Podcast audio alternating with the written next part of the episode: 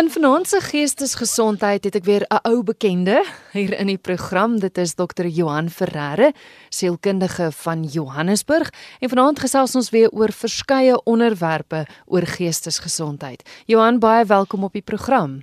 Dankie, Christel. Ek gaan begin deur 'n luisteraars navraag wat ek 'n wyle terug ontvang het. Ek gaan sommer dadelik begin met die een van Ansha. Sy sê ek is onlangs in 2019 gediagnoseer met SLE lupus. Ek het konstant pyn veral in my voete en is ook op medikasie waarsonder ek nie kan nie. Nou 'n vraag is: is om konstant pyn te hê all in the mind of is dit iets wat ek net met medikasie kan regkry? Nou ek weet dis 'n mediese vraag en jy's nie 'n mediese dokter nie, maar ek wil tog weet as mens kyk na pyn, want ek kry gereeld vrae van luisteraars wat praat oor pyn. Hulle is bekommerd hulle raak verslaaf aan pynmedikasie. Is pyn iets wat all in the mind is? Dat mens so gewoond daaraan raak om pyn te hê dat jy jouself naderhand verbeel jy het pyn? Ja, Nee, glad nie, glad nie Christel. Ehm um, kroniese pyn is iets waarmee ehm um, sielkundiges in in baie kontekste werk omdat kroniese pyn mense uiteindelik ongelooflik depressief kan maak en omdat dit mense eintlik fisiologies geweldig uitput.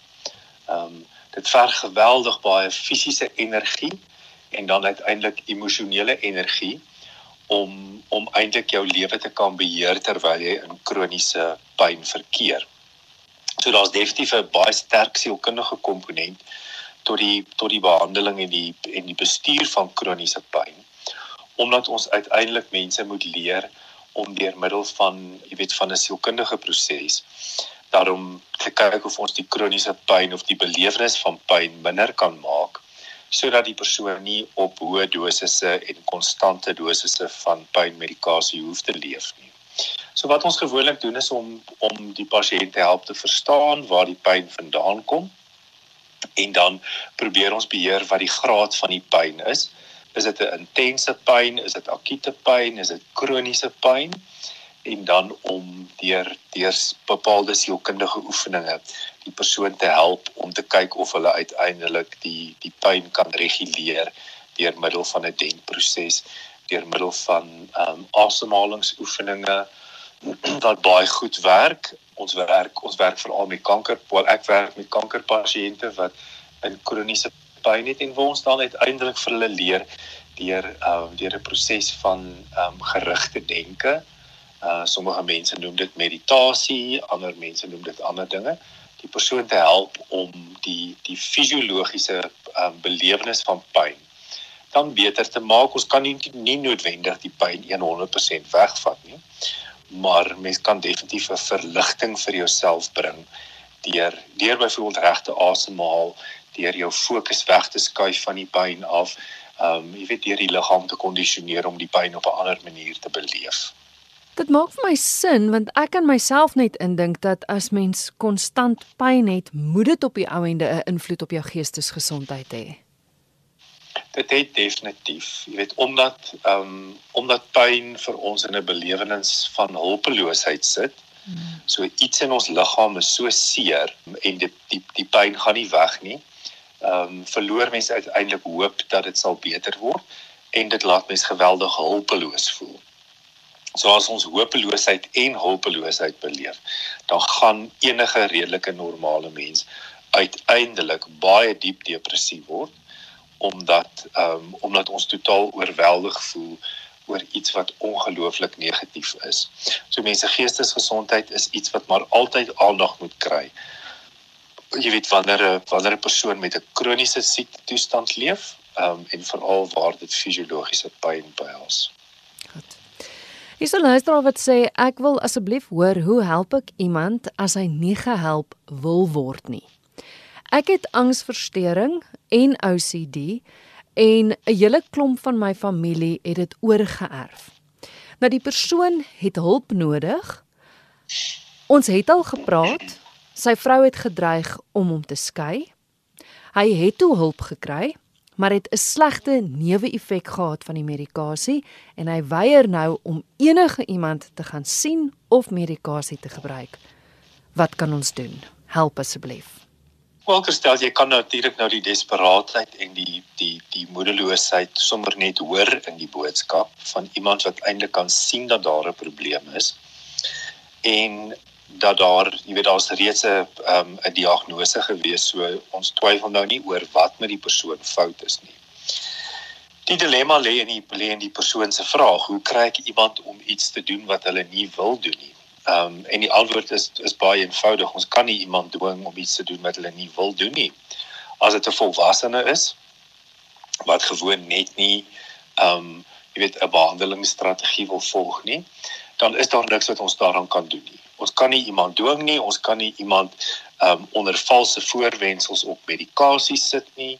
Dit help nie om iemand te probeer om die boslei met medikasie deur dit nou in hulle kos in te meng nie.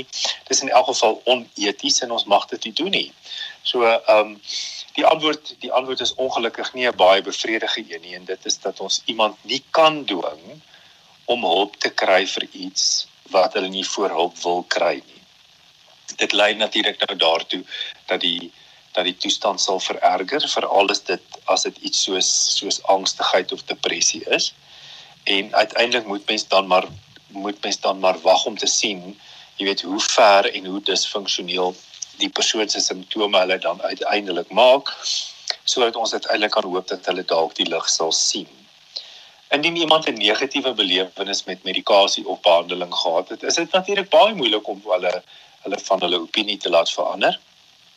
Maar al wat ons maar eintlik kan doen is om voortdurend ehm um, met hulle te gesels oor die behandelingsopsies en nie hoop op te gee dat hulle uiteindelik wel sal toestemming gee nie. Maar ons kan hulle ongelukkig nie dwing nie. Gou vra oor obsessiewe kompulsiewe verstoring. Sy sê nou dat dit iets is wat wat oorgeerf is aan haar familie. Is daar medikasie vir iets soos obsessiewe kompulsiewe verstoring? Daar's baie effektiewe medikasiestrategieë wat mens kan gebruik. Medikasie is natuurlik in in geen geval van enige sielkundige of psigiatriese siekte die enigste oplossing nie. So ons kan nie net 'n pil drink en dink dat ons gaan gesond word nie. Die mens is mos nou 'n 'n multidimensionele wese en elke mens verskil baie van mekaar. So om by jou psigiater uit te kom en te sê dat jy met hierdie met hierdie ehm um, simptoomprofiel sukkel, kan natuurlik daartoe lei dat hulle vir jou die regte medikasie kan voorskryf wat vir mense baie kan help om die denkpatroon rondom obsessief-kompulsiewe gedrag aan te spreek.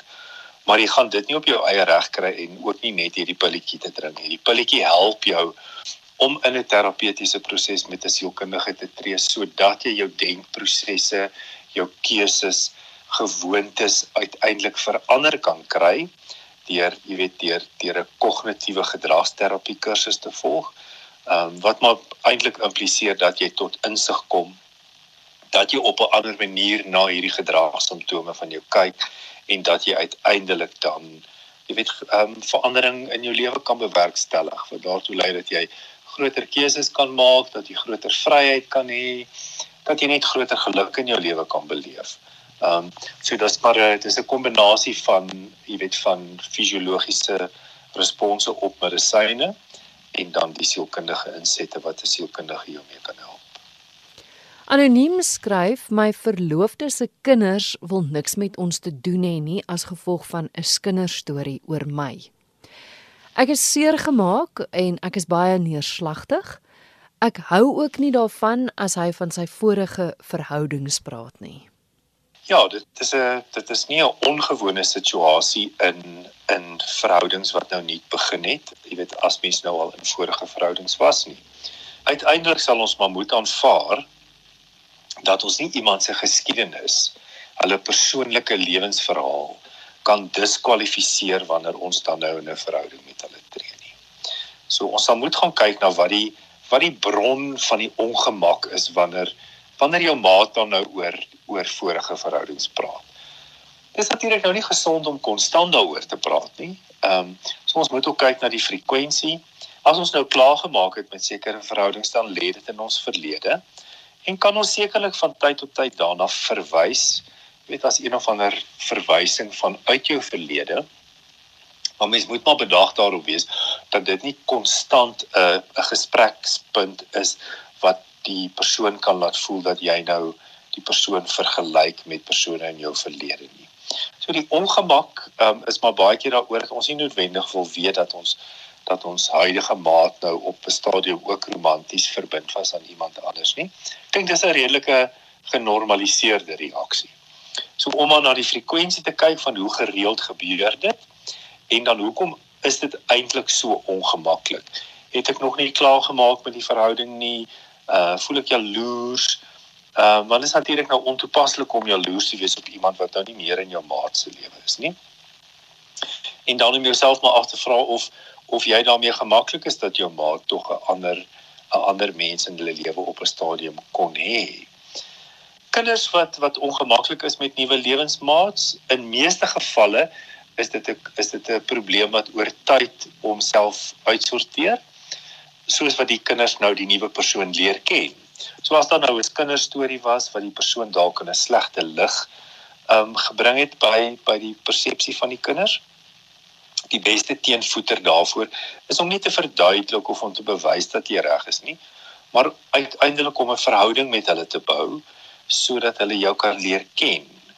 En mens moet maar geduldig wees. Um, dit kan dalk tyd vat, maar uiteindelik is die beste is die beste kennis wat mense oor mense het, dit wat jy een tot een van iemand leer ken het. En dan kom jy agter dit wat ander mense sê is eintlik minder belangrik as dit wat ek self kan sien. En dis maar hierdie geleentheid wat vir ons vir die kinders moet probeer gee. Ek het 'n SMS van 'n luisteraar gekry wat sê ek haat myself. Die haat is in hoofletters. Die luisteraar sê ek slaan myself met die vuis in die gesig. Ek wil dood eenvoudig nie meer leef nie. Dis 'n dis 'n baie ernstige toestand om in te wees want dit dit dui vir ons dat daar ehm um, dat daar is 'n breek van die koneksie met self. So jy wil nie meer in 'n verhouding met jouself wees nie. Jy wil nie meer met die realiteit van jou lewe omgaan nie. Die die die persoon sal heel waarskynlik as ek as ek moet raai op grond van die min inligting, um, heel waarskynlik diep depressief wees op grond van iets wat moontlik gebeur het of wat wat uit die verlede uit plaasgevind het. Die die gedrag waar die persoon hulle self seermaak, waar hulle self skade aan hulle rig, dui vir ons gewoonlik op hoe diep die die nie aanvaarding van jouself is nie. Dat ek myself dan nou kan slaan om myself seer te maak omdat ek of kwaad is vir iets wat ek gedoen het of ek voel diep teleurgesteld in foute wat ek dalk gemaak het of ek kan moontlik net nie verstaan hoekom mense so so wreed en ongenaakbaar met my was nie So daar is almal gesprekspunte wat die persoon maar met met hom of haarself sal moet aanknoop om uit te vind waar kom hierdie hierdie diep veragting vir vir hom of haarself vandaan. Uh dit kom maar gewoonlik uit pyn uit. So die pyn is of iets wat ek verkeerd gedoen het en ek kan myself nie meer aanvaar nie omdat ek so skuldig voel of dit kom uit uit iemand anders wat my nie aanvaar nie, iemand anders wat my te nagekom het en my nou laat glo dat dit die realiteit is dat ek dan nou as mens eintlik intrinsiek nie die moeite werd is om 'n verhouding mee te hê nie. So dis definitief iets wat wat mens moet gaan ondersoek instel. Ehm um, en die beste persoon om jou in hierdie proses te help sou 'n sielkundige wees. Iemand wat net net saam met jou die die wortel hiervan kan ontdek en dis is soms 'n baie duidelike wortel, maar soms is dit 'n 'n verskuilde wortel. Ons verstaan nie altyd hoekom ons so voel nie. Maar dat mens iets daaraan moet doen, dit is verseker. Hmm. Ja, want kyk, haat is 'n verskriklike ding. As jy iemand anders haat, maar ek kan net dink as jy jouself haat, want jy's konstant soos jy sê ja. in jou eie teenwoordigheid, jy kan jouself nooit ontsnap nie. Nee, jy kan nie. En dit dit wys maar vir ons dat dit 'n dis 'n geïnternaliseerde waarheid dan. Hierdie persoon glo iets oor hulle self wat diep negatief is en daarom is die is die emosionele belewenis een van haat. Johan, is dit altyd 'n lang proses? Want ek kan myself net indink dit kan nie in een of twee sessies reggemaak word selfs as dit so 'n verskriklike diep gewortelde haat is nie. Want ek weet dikwels word daar vir jou gesê kyk vir jouself in die spieël en sê jy's lief vir jouself, maar maar dit is 'n lang proses. Dis nie iets wat net binne 'n dag of twee opgelos kan word nie, né? Nee, nee, weet jy, weet ek herstel die mens, jy weet ons as mense verskil so baie van mekaar dat mense nie regtig waar met sekerheid kan voorspel hoe lank so 'n sielkundige proses sal wees nie. So sommige mense het inderdaad 'n baie kort proses. Uh jy weet as jy met met 'n um met met 'n persoon werk wat wat werklik tot insig kom en en sterk gemotiveer is om 'n denkpatroon of gedragspatroon te verander, dan is dan is sielkundige prosesse nie noodwendig 'n lang proses nie. Maar dis wanneer dit verskuil is, wanneer wanneer mense se pyn en lae in hulle lewe lê, wanneer wanneer mense oor jare misbruik was of gemanipuleer was, afgebreek was, geminimaliseer is, jy weet werklik waar afgebreek was as individue. Dit is ongelukkig nie 'n proses wat vinnig plaasvind nie. So mense moet maar mense moet maar 'n verbintenis maak aan 'n proses, jy weet in die regte terapeut kry om dan te sê, weet jy, goed, kom ek kom ek ontdek dan wat die wortel van hierdie van hierdie probleem is en om dan maar geduldig te wees en te verstaan dat dit eintlik 'n baie onaangename proses is. Dis nie noodwendig, dis nie noodwendig lekker om dit te doen nie, maar mens kan uiteindelik vrykom daarvan. Ek is so bang mense loop met die idee rond dat om sielkundige hulp te kry om na jou geestesgesondheid te kyk is duur. Nie almal se medies betaal daarvoor nie. Dis asof mense dikwels huiwerig is om op daai vlak na hulle self te kyk. Dis baie makliker om na 'n mediese dokter toe te gaan en 'n pil te kry, jy drink dat jy word beter. Ja. Jy sê nou dis nie altyd noodwendig 'n aangename proses nie. Hoe kan mens iemand motiveer om te sê maar dit is belangrik genoeg dat jy sielkundige hulp kry, selfs al gaan dit nie aangenaam wees nie, selfs al gaan dit jou geld kos. Dit voel vir my mense dink baie maklik redes uit om nie hulp te kry nie. Ja, kyk herstel, dit is dit is ook baie keer simptome wat mense vir hulle self en vir ander mense kan wegsteek. Mm. So dis nie jy weet dis nie 'n dis nie noodwendig baie sigbaar nie. En daarom dink ek mense stel dit baie keer uit en maak dit nie 'n prioriteit in hulle lewe nie. Ehm um, jy weet daar daar skoolgeld om betaal te word en ek wil eers die huis se dak regmaak en dan moet ek die kar laat diens en ehm um, weet bloot realiteite van die lewe um, ons almal leef met daardie realiteite. Maar dan uiteindelik om op 'n plek te kom om te sê hoeveel van 'n prioriteit is hierdie nou in my lewe. Um en om dan te sê, jy weet, um hoe hoe gaan ek dit oplos? En dan maar om jou navorsing te gaan doen, jy weet, om te sien wat se tipe probleem jy het en om dan te besluit, jy weet, watter sielkundiges werk spesifiek met hierdie tipe probleem wat ek het. Is daar dalk 'n jy weet, 'n sielkundige benadering wat um korttermyn baie meer ingrypende terapeutiese tegnieke gebruik. Die meer gedragsterapeutiese uh prosesse is gewoonlik korter as 'n meer psigodinamiese proses waar mens nou noodwendig al die inligting moet gaan uitmyn uit jou lewe uit.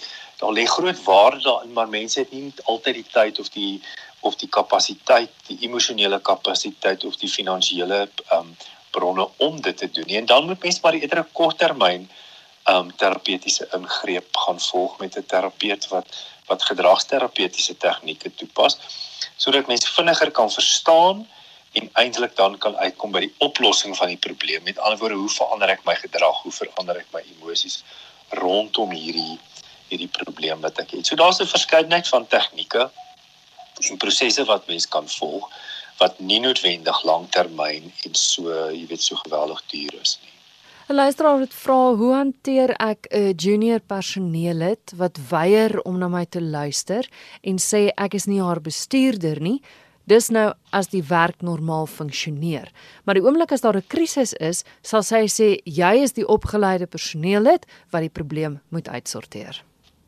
Ja, dit dit ehm um, vir, vir vir my as iemand wat nou 'n bietjie ouer is, klink dit nie na 'n um 'n uh, 'n uh, uh, baie te gewone probleem nie. Ek sien maar met um met mense in jonger generasies um daar is is bepaalde denkpatrone van dat ehm um, dat hulle geregtig daarop is om gehelp te word en dat hulle weet dat hulle dat hulle voel dat ehm um, dit hulle is hulle is eintlik geregtig daartoe om 'n bepaalde posisie te kan hê. Ehm um, dis maar 'n proses wat mens moet betree met die individu en en om te sê, jy weet watter watter rol sou jy wou hê moet ek in jou lewe speel?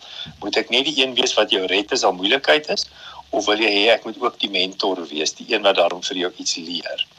Ehm um, en sommige mense stel regtig min belang daarin om iets te leer en vir hulle moet mens maar net verduur en hoop hulle word verplaas of hulle kan dit nie langer uithou by jou nie. Ehm um, want ons baie min wat jy daarin kan doen as dit die persoon se lewensstrategie is om net te kyk wat ek uit 'n situasie uit kan kry vir myself dan is dit ehm um, jy weet dit is 'n baie moeilike werksverhouding om met iemand te kom hê.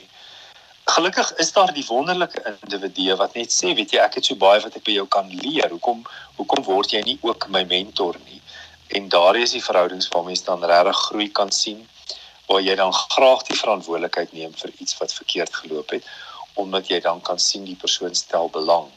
Ehm um, en nie die persoon regtig nie belangstel om om iets te leer nie, maar hulle wil net voordeel uit die situasie uittrek. Moet jy dan as ouer persoon of senior persoon asof jy jouself veilig hou en dat jy altyd binne die wet optree en en dan om te aanvaar dat daar nie noodwendig salf te smeer is aan iemand wat regtig nie iets wil leer nie. Jy is ingeskakel op RSG en jy luister na Geestesgesondheid op 'n Dinsdag aand na die 11uur nuus saam met my Christel Webber. My gas vanaand, Dr. Johan Ferreira, hy is sielkundige van Johannesburg en ons bespreek verskeie aspekte oor geestesgesondheid. Ek is nie regstreeks in die ateljee nie. Die program is vooraf opgeneem, maar vir programme in die toekoms en as jy enige vrae vir Johan sou hê, asseblief stuur vir my 'n e-pos na kristel@rsg.co.za. Johan, ek het nog 'n boodskap van 'n luisteraar gekry wat sê ek is 'n bejaarde persoon. Ek woon in 'n aftreeoord. My man is 'n paar jaar gelede oorlede. Ek was 100% van hom afhanklik. Die eensaamheid maak my gek. Ek weet nie meer hoe om aan te gaan nie.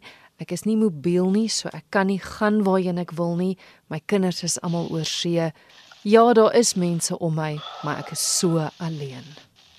Ja, Kerstel, dit is 'n dit is 'n wyd verspreide probleem van mense wat wat afhanklik is van die ehm um, van die gedrag van ander mense. Hmm. Ehm um, veral ouer mense mense wat lank getroud was en wat saam uiteindelik afgetree het.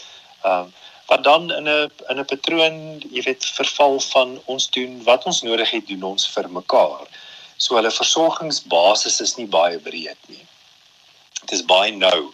So dit my my versorging hang eintlik van een mens af en dis wat die geweldige kwesbaarheid dan veroorsaak wanneer jou lewensmaat dan sou sterf. So so eerstens wil ek sê indien indien jy in 'n situasie is waar jy en jou lewensmaat mekaar nog het om nie nou die die versorgingsbasis so nou te maak dat indien iets met een van julle twee gebeur dat dit daartoe lei dat die ander persoon totaal blootgestel en kwesbaar is nie. Sorg van die jy weet van van redelik van vroeg af in mense lewe dat jy 'n wyeer versorgingsbasis het. Mense met wie jy verhouding het, mense wat vir jou kan kom kuier, mense wat omgee vir jou indien dit nou reeds gebeur het is die enigste oplossing wat werklik enige blywende effek gaan hê om te sorg dat die kontak wat jy met mense het verbreek. Um indien jy totaal immobiel is, dan om om iemand te vra wat jou kan help om deur middel van tegnologie dalk um vir jou kontakte te, te laat maak met mense om te leer hoe jou hoe jou selfoon werk as jy een het, as jy moontlik toegang tot 'n rekenaar het om te weet dat jy met jou kinders wat wat oor see woon, ehm um, dat jy dat jy met hulle kan gesels oor die internet, dat jy hulle gesigte kan sien, dat jy hulle stem kan hoor. Uh, ons kan nie aanhou leef in isolasie nie want dit gaan uiteindelik daartoe lei dat die persoon heeltemal gaan vereensaam en dan uiteindelik kontak met realiteit gaan verloor. Weet as ons nie meer weet watter dag van die week dit is nie, want want elke dag is net presies dieselfde en ek is die hele tyd op my eie maak dit die persoon emosioneel en sielkundig geweldig kwesbaar.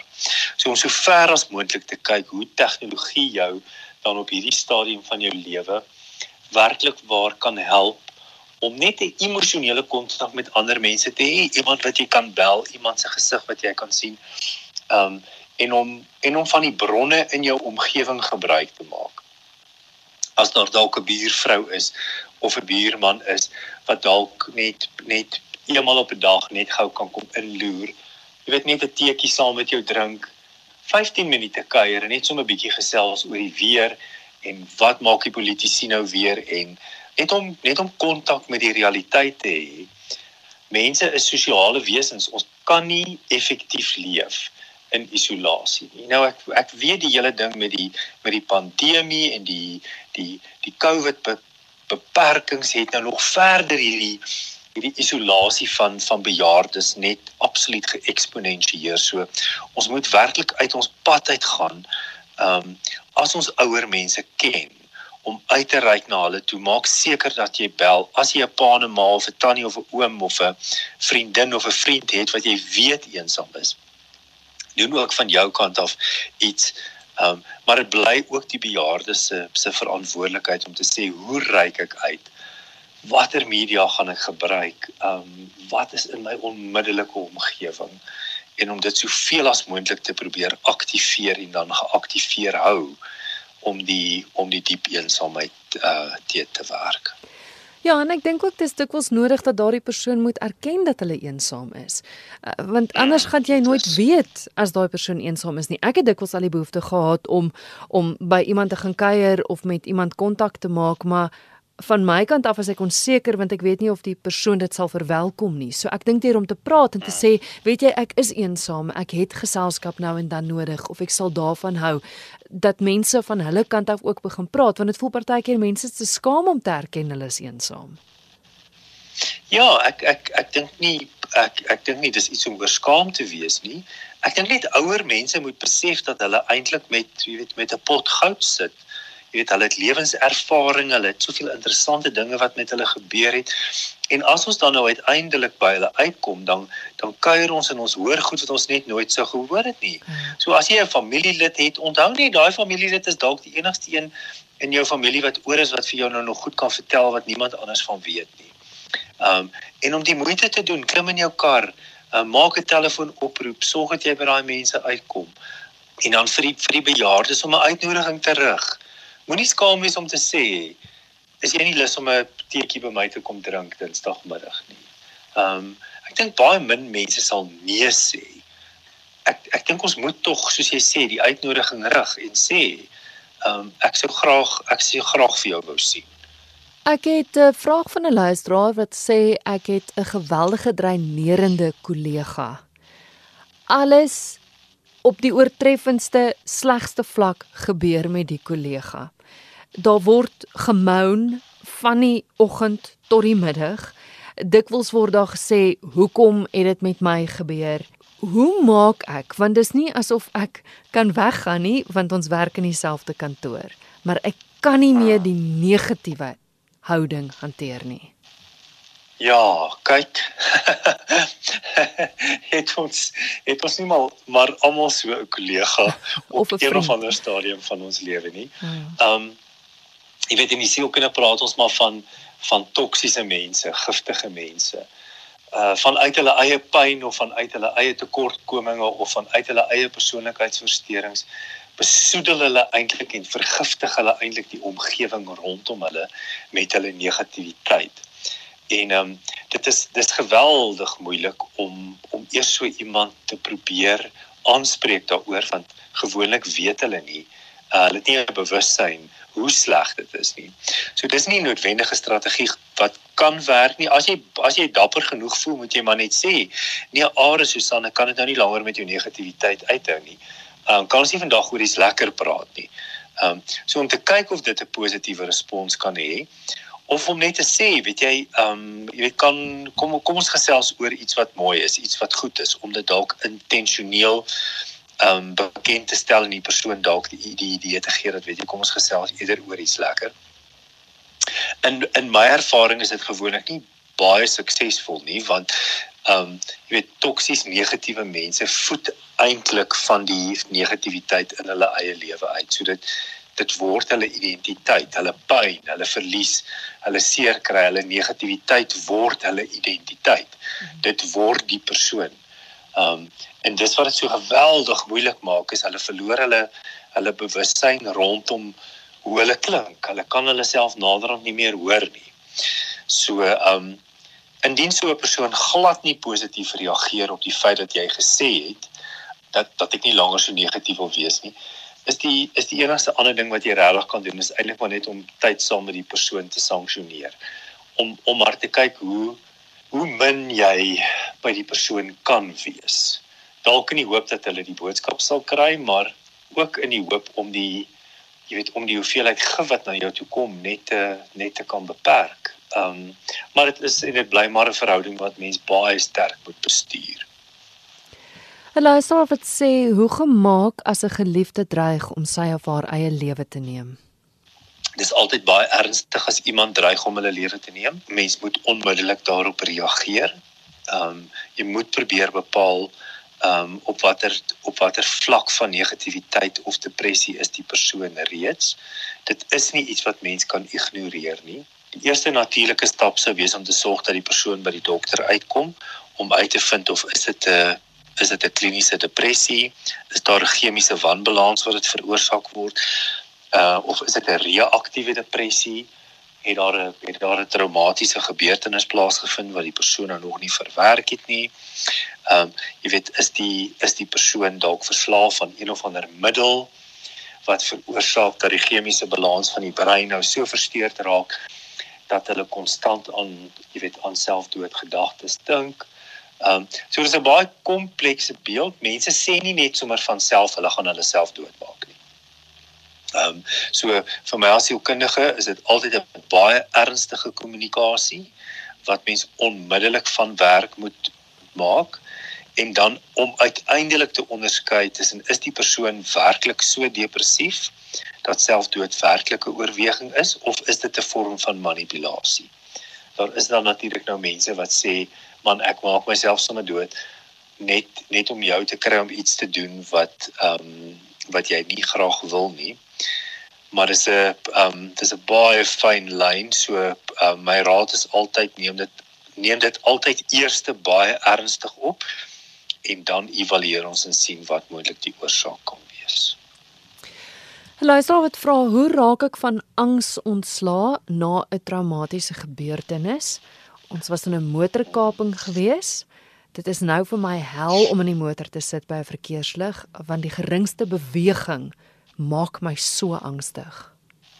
Kyk, dit is uh, wat die wat die luisteraar beskryf is totaal normaal. Dis maar deel van posttraumatiese stresversteuring en dit is dat ons ehm um, dat ons waar dat ons waarneming van die van die wêreld jy weet in 'n hipertoestand ingaan so elke klein bewegingkie elke klein geluidjie eintlik elke bewegingkie of geluidjie ehm um, word nou waargeneem deur die persoon en dit put mens geweldig uit dit maak dat jy geweldig angstig raak want jy antisipeer nou eintlik jy verwag nou eintlik dat iets moet skeefloop en in dit herbeleef jy nou elke keer maar net weer die trauma. So um dit hang nou af hoe lank terug die trauma plaasgevind het. As dit nou as dit nou kort in die verlede lê, dan is dit eintlik normaal uh dat mens so um dat mens so skrikkerig sal wees en dat die stimulus nog baie sterk in jou geheue lê. Die beste manier om dit te doen is om maar te sorg dat jy oor die insident praat, dat jy jouself hoor, dat jy vir mense verduidelik wat gebeur het, dat jy die emosie wat jy beleef het behoorlik behoorlik uitpak en daarna kyk en dan uiteindelik in tyd behoort die die ehm um, die hiperbewustheid van die gevaar sal dan uiteindelik weggaan. Indien dit nie weggaan nie, dan moet mense terapeutiese proses met iemand betree en en jy weet 'n ligte vorm van 'n anti-angsmiddel sal dalk voorgeskryf word deur jou dokter maar om nie om nie te verwag dat indien so iets gebeur het dat mens geen effek daarvan moet hê nie dit bly en is baie traumaties wanneer so iets gebeur en vir 'n tyd lank sal enige situasie wat jou daaraan herinner vir jou angs veroorsaak. Dit is totaal normaal. 'n Boodskap van 'n luisteraar wat sê ek het so rukkie terug pornografie op my man se rekenaar en op sy foon ontdek. Dit laat my so sleg oor myself voel, want onmiddellik dink ek ek is nie meer genoeg vir hom nie. Nie dat ek onder die indruk is dat daar fout is met ons sekslewe nie. Moet ek hom konfronteer? Uh, dit dit hang af van dit hang af van die aard van julle verhouding. Jy weet, as julle ehm um, as jy 'n oop en eerlike verhouding met mekaar het, dan moet jy hom uit die aard van die saak daaroor vra. Ons hoef nie te konfronteer nie. Ons hoef nie te beklei en te gil en te skree en lelik te wees nie. Maar ek dink as mense as mense 'n oop deursigtige verhouding het, dan is dit ehm um, dan dit sal dit werklik die beste wees om net te sê, hoorie ek het hierdie nou gesien en dit is vir my sleg. Ek het nie geweet dit is so nie. Kan ons daaroor gesels? Kan ons sien hoekom is dit so? Kan ons ehm um, jy weet, kan ons moontlik iemand gaan sien? Ehm um, wat is die omvang hiervan? Ehm um, hoe het dit gebeur? Hoe lank is dit al deel van jou lewe? jy weet die die die belewenis wat die luisteraar het jy weet om onmiddellik te twyfel in jouself en te wonder wat doen ek verkeerd of wie is ek nou nie wat sou die ander persoon nou graag wou hê daar is alles genormaliseerde reaksies maar die persoon wat die antwoord het is die persoon wat gevra moet word jy sal vir hom moet vra wat is hierdie hoekom hoekom is dit in jou lewe ehm um, en en so kom ons agter die kap van die byl. Hier's 'n luisteraar wat wil weet of daar 'n verwantskap is tussen verslawing en geestesgesondheid. Gaan die een altyd hand aan hand met die ander een? Definitief. Ehm um, mense wat mense wat 'n geneigtheid tot verslawing het, is is individue wat een of ander middel of een of ander gedrag gebruik om om hulle lewe um lekkerder te laat voel om hulle weg te neem van die realiteit. So mense wat verslaaf is aan dobbel, hulle hou daarvan om na die na die dobbelhuis toe te gaan en dan ontsnap hulle aan die wêreld. Hulle dink aan niks anders nie. Hulle wil nie hulle probleme in die gesig staar nie. Um so dis mense wat verslaaf is, nie net mense wat dit doen omdat dit vir hulle lekker is nie. Dwelmmiddels, alkohol, um pornografie, al al daardie middels en gedrag lei daartoe dat die persoon net vir daai oomblik dan wat hulle dan nou besig is met die verslawing of vir die halfuur of vir die uur of vir die dag. Um voel hulle inderdaad dan nou beter? Uh, hulle weet die effek daarvan gaan vir hulle baie sleg wees. Um so dis 'n ontsnap aan die realiteit. Die mense wat dit doen het nie het nie 'n geïntegreerde gesonde geestesgesondheid nie. Hulle hulle voel dat hulle iets wil verbeter in hulle lewe en nou gebruik hulle een of ander een of ander middel of een of ander um inhoud in hulle lewe om vir hulle te laat voel dat hulle lewe goed is en dat lewe vir hulle lekker is. So verslawing lei maar altyd daartoe dat die persoon negatief oor hulle self sal voel. Uh uiteindelik besef hulle dan nou maar ek doen eintlik hierdie oor ek nie regtig van myself hou nie. Um ek kan nie ek ek is nie 'n ek is nie 'n aangename lekker mens as ek net die persoon is sonder my verslawing. So verslawende gedrag of verslawende middels um kom en steel maar eintlik die persoon se identiteit, hulle persoonlikheidstyl. Um en uiteindelik steel dit dit uh, jy weet dit steel jou lewe, dit lei tot groot verliese uh aan verhoudings, aan integriteit, uh aan selfvertroue ehm um, wat op die ou uiteinde die persoon maar net minder waardig laat voel. Ehm um, en eintlik daartoe lei dat die dat die mislukking identiteit maar eintlik die realiteit word. Is dit so eenvoudig om te sê dat sou 'n persoon dit aanspreek wat maak dat hulle verslaaf is aan iets? Dat as dit aangespreek word, kan die verslawing ophou? Gaan dit ophou? Nee, kyk dit is gewoonlik die eerste stap Goed. Ek die, die die persoon moet by die plek kom om te sê weet hierdie is 'n probleem in my lewe. Ek gaan nie langer ontken dat dit so is nie. Maar die blote feit dat ek dit herken aan myself, wel, eerstens dat ek dit herken en dat ek dit dan erken aan myself, uh dit gaan nie maak dat jy gaan ophou nie. Um so om dan 'n proses te betree en te sê wat gaan my strategie wees? Ehm um, hoe gaan my hoe gaan my uittrede uit die uit die verslawing uitlyk? Wie gaan vir my ondersteun? Wat gaan ek in plek daarvan sit? Hoe gaan my meer gesonde lewensprofiel nou lyk?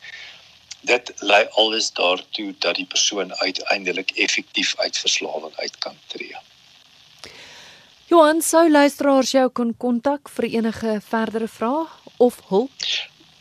Natuurlik, hulle kan vir my e-pos. My e-posadres is johan.f@mosaic.com. Dit dan die sielkundige Dr. Johan Ferreira hier in Johannesburg met wie ek gesels het. Gou weer sy e-posadres johanf@mosaic en dit word gespel M O S A I E K.com. En dan asseblief vir enige vrae, veral vir 'n volgende program, jy's meer as welkom om jou vrae aan my te stuur. Ek is by kristel@rsg.co.za. Tot ek en jy dan weer saam kuier, mag dit met jou goed gaan.